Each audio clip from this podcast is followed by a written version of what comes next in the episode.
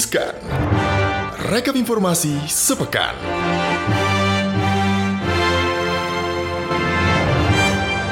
Assalamualaikum warahmatullahi wabarakatuh. Waalaikumsalam warahmatullahi wabarakatuh. Ini segmen As- ini segmen cuap-cuap cuan. Cuap-cuap cuan gitu ya, kan. nggak salah ya, Tapi ini bener. hari ini bulan suci Ramadan Betul, gitu. Jadi Pak. kita harus menebar kebaikan gitu, Betul. termasuk memberikan asupan bukan takjil ya, cuy.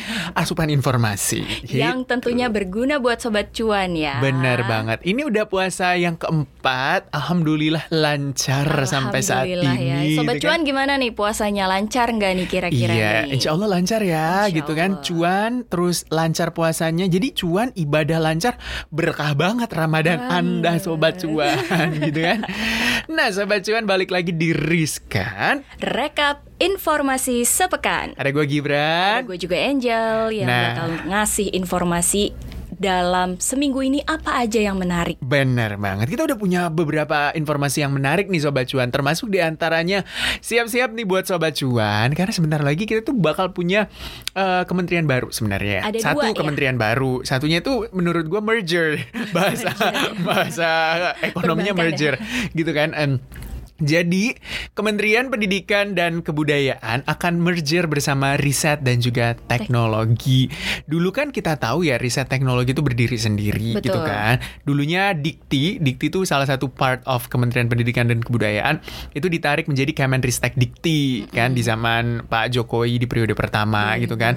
2014 sampai 2019 tuh ada Kemenristek Dikti. Nah, sekarang eh, riset teknologinya akan kembali lagi ke Kementerian Ke Pendidikan dan Kementerian Pendidikan dan Kebudayaan. Kebudayaan. Awalnya Diktinya udah kembali lagi nih Betul. Kemendikbud. Sekarang balik juga nih riset tekno ba- kembali ke riset teknologinya gitu kan masuk Iya. ke Kementerian Pendidikan dan Kebudayaan gitu. Dan ada satu lagi yang akan dibentuk yaitu eh, bukan dibentuk ya, dinaikkan gitu ya. Mm, kayak dirubah nomenklaturnya dulunya Betul. badan naik jadi kementerian anggarannya dulu cuma 400 miliar naik bisa jadi 900 miliar gitu Bahkan sekarang katanya satu triliun kak. oh my god Betul. wow gede banget anggarannya cuy Jadi impiannya Presiden Jokowi ini memiliki sebuah kementerian yang fokus untuk mengurusi persoalan investasi dalam negeri sebentar lagi bakal terwujud nih. Kak. Mhm. Lampu hijau pembentukan Kementerian Investasi ini diambil setelah Dewan Perwakilan Rakyat menyetujui surat Presiden berisi pertimbangan penggabungan dan pembentukan kementerian. Tenaga ahli utama kantor staf kepresidenan Ali Mohtar Ngabalin mengatakan, Presiden Jokowi akan melantik menteri baru dalam waktu dekat. Menteri yang dimaksud ini akan mengisi posisi Menteri Pendidikan Kebudayaan Riset dan Teknologi yang merupakan hasil peleburan dari Kementerian Riset dan Teknologi dengan Kementerian Pendidikan dan Kebudayaan. Selain itu, menteri baru juga akan mengisi jabatan Menteri Investasi. wow Ini yang tadi disebut eh, merangkap jabatan juga Kak. Jadi, jadi Menteri Investasi sekaligus Kepala BKPM gitu betul. Oke, jadi kayak Menteri ATR, Kepala BPN, terus Menteri Perencanaan Pembangunan Nasional, Kepala Bappenas, Iya. gitu kan kayak Ba- Pak Bambang Brojonegoro gitu kan. Itu jadi dia merepresentasikan Kepala BKPM sekaligus Menteri Investasi gitu ya. Iya. Jadi namanya apa ya? Manifestasi, Manifest. manifest apa ya? Ya agak susah sih kayak manifest gitu. ya. Oke, manifest. Apa bedanya terus sama Kementerian Koordinator? Oh itu beda. Jadi kayak Kemenko Marvesnya mengkoordinasi, Akhirnya? mengkoordinir gitu kan. Ah. Uh, apa-apa yang dibawa dari Kemenko Marves gitu. Oke, tujuannya sih sebenarnya baik ya kak Benar. untuk em, memperluas lapangan kerja, menarik investasi, apalagi di masa pandemi ini kan. Mhm. Tujuannya tuh ingin menarik investasi eh, sebanyak-banyaknya. Eh, kemudian kalau hanya badan kan hanya bisa menjalankan peraturan yang ada Jadi gitu. ya. terbatas gitu ya Terbatas kalau gitu badan. ya.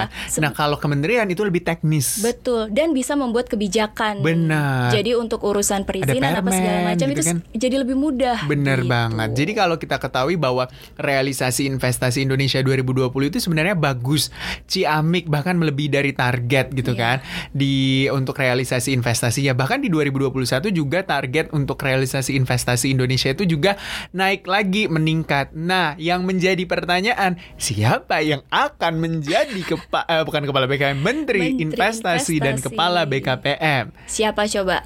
Ada banyak nama sebenarnya. Siapa? Tapi Kalau salah satunya Bahlil Lahadalia gitu. Ada yang mengatakan bahwa Pak Bahlil itu masih cocok sebenarnya jadi Menteri Investasi Betul. karena berhasil uh, merealisasikan investasi Indonesia 2020 itu melebihi targetnya. Tapi kan kita tahu ya, Menteri Investasi ataupun yang nanti menjabat sebagai Menteri Pendidikan, Riset dan Teknologi, gitu kan, apa Pak Bambroch atau Bambang Brojonegoro atau Mas Nadim atau mungkin bukan keduanya. Iya. Bisa saja itu Bisa kan hak jadi. prerogatif dari presiden. Tuh. Tapi eh, Pak Ngabalin juga bilang katanya kita tunggu saja. Mhm. Mudah-mudahan pekan ini atau paling lambat pekan depan. Oke, jadi kalau siapa tahu saya dapat undangan gitu kan, undangan liputan, bukan undangan dilantik, cuy. Dilantik. undangan liputan gitu ya. Kepada yang terhormat CNBC Indonesia ada peliputan di istana gitu. Itu Kak, undangan Tapi peliputan. kamu tahu nggak sih Gibran, eh, Sobat Cuan juga tahu nggak sih sebenarnya kenapa akhirnya ada merger dari si Kemendikbud dan dengan riset, riset teknologi. ini? Karena katanya pendidikan harus dibarengi dengan riset dan teknologi.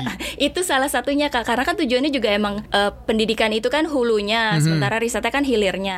Tapi salah satunya juga kalau nggak salah dari Undang-Undang Nomor Undang-Undang? Nomor Ayo. 39 kalau nggak salah tahun 2008 itu bilang maksimal itu adalah 34 kementerian. Mhm. Sementara kalau misalnya ditambah dengan Kementerian Investasi, otomatis 35 kan? Mhm. Otomatis harus ada satu yang di merger, yaitu Oke. Kementerian eh, Pendidikan dan Kebudayaan, juga Kementerian Riset dan Teknologi. Oh, gitu. gitu.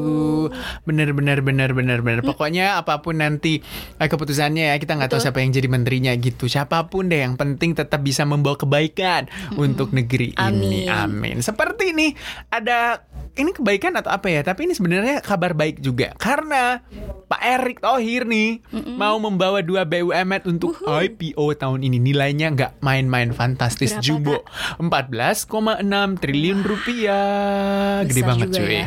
Kementerian BUMN kan ini lagi mempersiapkan IPO untuk eh, dua anak usaha. Dua anak usaha BUMN. Betul. Mm-mm, yaitu PT. Daya Mitra Telekomunikasi atau Mitratel Mm-mm. uh-uh, dan, Dan juga PT PT Pertamina, Pertamina Geothermal Geothermal Energy Energy. atau PGE gitu. Wakil Menteri BUMN Pahala Nugraha Mansuri mengatakan ini merupakan bagian dari rencana IPO sebanyak 13 sampai 14 BUMN dan anak usahanya hingga 4 tahun ke depan. Dan ia juga mengatakan kalau dalam rangka IPO ini, PGE itu saat ini tengah berfokus untuk melakukan konsolidasi untuk menggabungkan PGE dan PT PLN Gas dan Geothermal dan PT Geodipa Energi Persero sebelum dilakukan IPO. Jadi asetnya jauh lebih gede, terus juga bisnisnya jauh lebih besar gitu kan. Iya. Kalau di merger ada tiga perusahaan ini digabungin gitu kan, jadinya eh, jadi perusahaan yang nggak main-main gitu, bukan kaleng-kaleng. Target dana perolehannya aja mencapai 1 miliar dolar Amerika. Amerika atau setara Atau dengan setara? 14,6 triliun rupiah. Mm-mm. Tepuk tangan deh Tepuk banyak. nih. tangan. Pasti Anda sobat cuan udah siap kan mau membeli sahamnya kan karena biasanya saham yang baru IPO terbang seminggu gitu. Ayo jadi langsung berburu saham saham BUMN ya. Oke. Tapi yang juga heboh nih, Mhm. ada Tugu Sepeda di DKI Jakarta Nah, ini, yang cuy. juga fantastis. Kak. harganya ya Harganya. ini bisa beli berapa lot Dananya. saham ya 800 juta rupiah berapa ya banyak lah ya bisa beli saham Iya kan? ini Pemprov DKI Jakarta ini akan, membangun tugu sepeda di kawasan Sudirman Jakarta Pusat. Mhm. Pembangunan proyek tugu sepeda senilai 800 juta rupiah ini Wow. tentu aja memicu kritik ya kak dari masyarakat berbagai kalangan. Mhm. Pembangunan tugu yang berbentuk satu buah ban sepeda berukuran raksasa ini sebagai pengingat momentum Hmm. penggunaan sepeda yang masif digunakan masyarakat ibu kota di tengah pandemi COVID-19. Oh, jadi ini kayak eh, monumen bahwa oh pernah tuh pas Covid orang lagi hype-hype-nya Iya, Kak. naik sepeda gitu kan ya. biasanya kan kalau misalkan kita mengenang pahlawan ya kan kak ada Sudirman, Dulu aku Soekarno, ingat ada Hatta. itu tuh di situ. Ada. Ada apa monumen rotan gitu kan dulu Oh gitu iya kan. benar yang akhirnya dibongkar lagi Iya, kan. benar. Itu kan sama aja kayak Iya, tapi Faedah walaupun kan, sebenarnya Wakil Gubernur DKI Jakarta Pak Ahmad Riza Patria bilang untuk membangun tugu sepeda ini di tengah pandemi COVID-19 untuk eh, masyarakat itu agar terdorong gaya hidup sehat dan juga Pak Wagub bilang kalau tugu sepeda itu bakal menjadi spot foto Nah. bagi kalangan milenial dan menyebutkan penganggarannya juga itu sudah diteliti oleh tim konsultan gitu. Nah. Jadi ini katanya gini, biayanya kan sudah dikaji dan diteliti oleh konsultan. Tentu semua mengenai harga dan juga standar untuk memenuhi syarat-syarat tertentu. Jadi silakan nanti tanya sama konsultannya, kenapa biayanya bisa sampai 800 juta. Tentu namanya kita harus menghargai daripada seniman gitu kan. Seni rupa kita yang membuat dan juga para konsultan tentu nanti akan jadinya akan baik-baik dan menarik. Jadi icon di Jakarta tempat selfie bagi kita teman-teman milenial gitu. Kurang banyak nggak tuh tempat selfie di Jakarta? Mau Banyak ditambah banget lagi gitu kan. ini yang harganya juga fantastis 800 juta. Mm-mm, tapi ya kita nggak tahu ya apa yang menjadi Betul. latar belakang pembangunan ini Ya sebenarnya. itu Kak supaya Tempat selfie. tempat selfie mengingat gaya hidup sehat dan mengenang kalau masyarakat Jakarta itu hobi bersepeda di masa pandemi Covid-19 gitu. Hmm, Oke. Kita oke. doakan saja semoga pembangunannya Hmm, oke, gitu kalau di TikTok. Hmm, oke. Baik ya. Oke, ini selanjutnya ya. Ini ada yang heboh yaitu pembangunan Silicon Valley as, eh, kayak ala-ala Silicon Valley-nya Ala-ala, Indonesia. betul. Jadi ini bukit algoritma di Sukabumi, Jawa Barat. Jadi Indonesia itu akan membangun pusat riset dan teknologi bernama Bukit Algoritma di Cikidang dan Cibadak, Sukabumi, Jawa Barat. Daerah ini juga kembali digadang-gadang menjadi Silicon Valley di Indonesia, yaitu kawasan pengembangan riset dan sumber daya manusia yang berbasis industri 4.0. Jadi politisi PDI Perjuangan sekaligus pendiri dari gerakan inovator Budiman Sujatmiko mengatakan proyek ini digagas oleh Kiniku Bintang Raya KSO dan ini merupakan perusahaan gabungan antara PT Kiniku Nusa Kreasi bekerja sama dengan PT Bintang Raya Lokal Lestari mendelegasikan eh, proyek konstruksi kepada PT Amarta Karya Persero. Rencananya pembangunan awal kawasan ini juga mau dimulai bulan ini nih kak. Eh, saat ini masih dalam tahap pemetaan dalam waktu tiga hari ke depan di wilayah bukit sebesar 888 hektar. Jadi PT Amarta Persero ini menjadi kontraktor utama proyek itu akan membangun infrastruktur kawasan mulai dari jalan, instalasi listrik hingga gedung-gedung. Dan ini adalah rencana pembangunan tahap awal selama tiga tahun pertama. Tahapan awal ini diperkirakan itu memakan biaya nggak main-main cuy investasinya 18 triliun rupiah gila. Banyak juga Tapi ini sih. full eh, swasta ya nggak? Full swasta Benar. katanya, tapi banyak yang mempertanyakan juga kenapa di Sukabumi, kenapa nggak di daerah lain yang udah terjamin gitu infrastrukturnya. Oh jadi mempertanyakan why in like earth gitu. Iya. Like earth suka bumi kan. Sukabumi. Ya like earth. Kenapa di situ kan? Ya ya makanya itu Gubernur Jawa Barat Pak Ridwan Kamil juga bilang kalau mau bikin Silicon Valley itu harus ada tiga poin. Yang pertama itu ada universitas sebagai pusat kajiannya. Betul. Yang kedua itu ada industri sebagai penyerap dari hasil risetnya. Dan yang Betul. ketiga ada investornya. Kalau ketiga poin ini nggak ada itu sama aja itu pencitraan gitu kata Pak Dan Ridwan Kamil. pemerintah yang penting juga. Ini kan istilahnya ekosistem ya. Benar. Jadi kalau ada tempat nggak ada ekosistem, gimana kak? Iya, jadi kayak kayak lu nyiptain barang tapi nggak punya pasar, Betul. sama aja gitu kan, gitu. Jadi semoga pembangunan Silicon Valley di Like Earth alias Sukabumi ini berjalan lancar dan sebenarnya implementasinya aja sih lebih bagus Betul kita dan lihat tidak ke depan. ditinggalkan seperti yang di AS kan sudah katanya sudah ditinggalkan juga kak sama Benar. beberapa raksasa perusahaan besarnya juga Mhm. kan, termasuk Elon Musk juga yang membangun pabriknya akhirnya ke Texas. Benar. gitu. Ada juga perusahaan-perusahaan lain udah pindah, ada yang ke India, Iya. ada juga ke ya Vietnam, Iya. tergantung di mana melihat peluang harga lebih murah gitu kan. Iya. Asal kosnya itu bisa Betul. ditekan gitu. Nah, selanjutnya ini sebenarnya agak heboh sih sebenarnya. Ini Heboh beberapa hari ya. terakhir ini dan Betul. beberapa pekan ini karena ternyata kalau terjadi inflasi itu orang itu udah nggak pergi ke safe haven alias beli emas, Emas. gitu. Belinya kripto, cuy. Jadi Gibran udah mulai cryptocurrencyan gitu. Cryptocurrencyan. Ah, ah, itu no comment kata Desi Ratnasari. Jangan ya udah. Jadi katanya nih ya zaman itu udah berubah banget nih kemunculan aset baru yang berupa mata uang kripto alias cryptocurrency ini membuat pelaku pasar itu mengalami euforia Betul. dan emas itu kini punya pesaing ketika inflasi mulai bergerak naik. Bukan cuma emas sebenarnya. IHSG juga punya Saham, pesaing baru. betul. Pada khawatir ya kak, karena nih kak, harga emas kan udah downtrend dari level tertingginya sepanjang masa sejak kuartal terakhir tahun lalu. Seiring dengan membaiknya outlook perekonomian global akibat agresifnya kampanye vaksin COVID-19 secara massal. Bahkan beberapa analis juga menilai bahwa fundamental emas ini sebenarnya masih kuat. Mhm. Si logam kuning merupakan salah satu aset yang banyak digunakan untuk lindungi nilai dari inflasi. Benar. Di sepanjang tahun 2021, fokus pelaku pasar adalah kenaikan imbal hasil atau yield obligasi AS yang tajam. Mhm. Pasar yang reaktif langsung nih menyebabkan harga emas anjlok.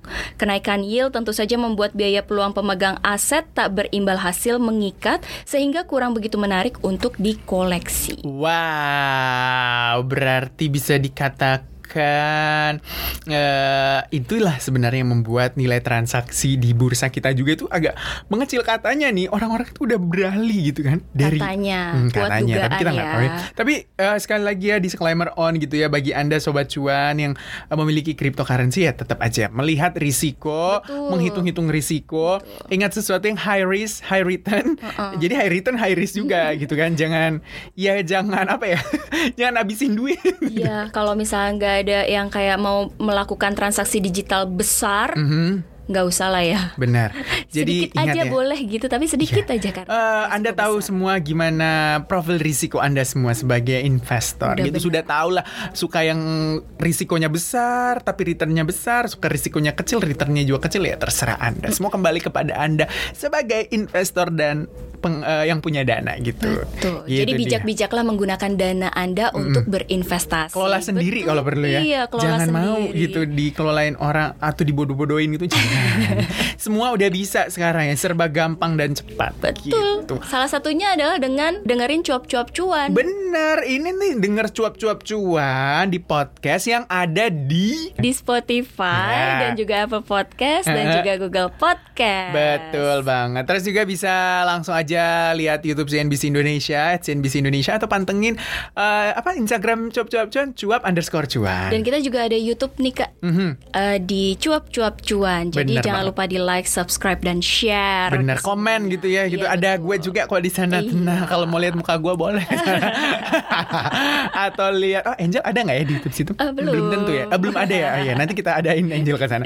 Oke sobat cuan, semoga Ramadannya berkah, puasanya lancar. Amin, kita akan amin. ketemu lagi minggu depan di rekap informasi sepekan. Gue Gibran. Gue Angel. Pamit. Bye. Bye.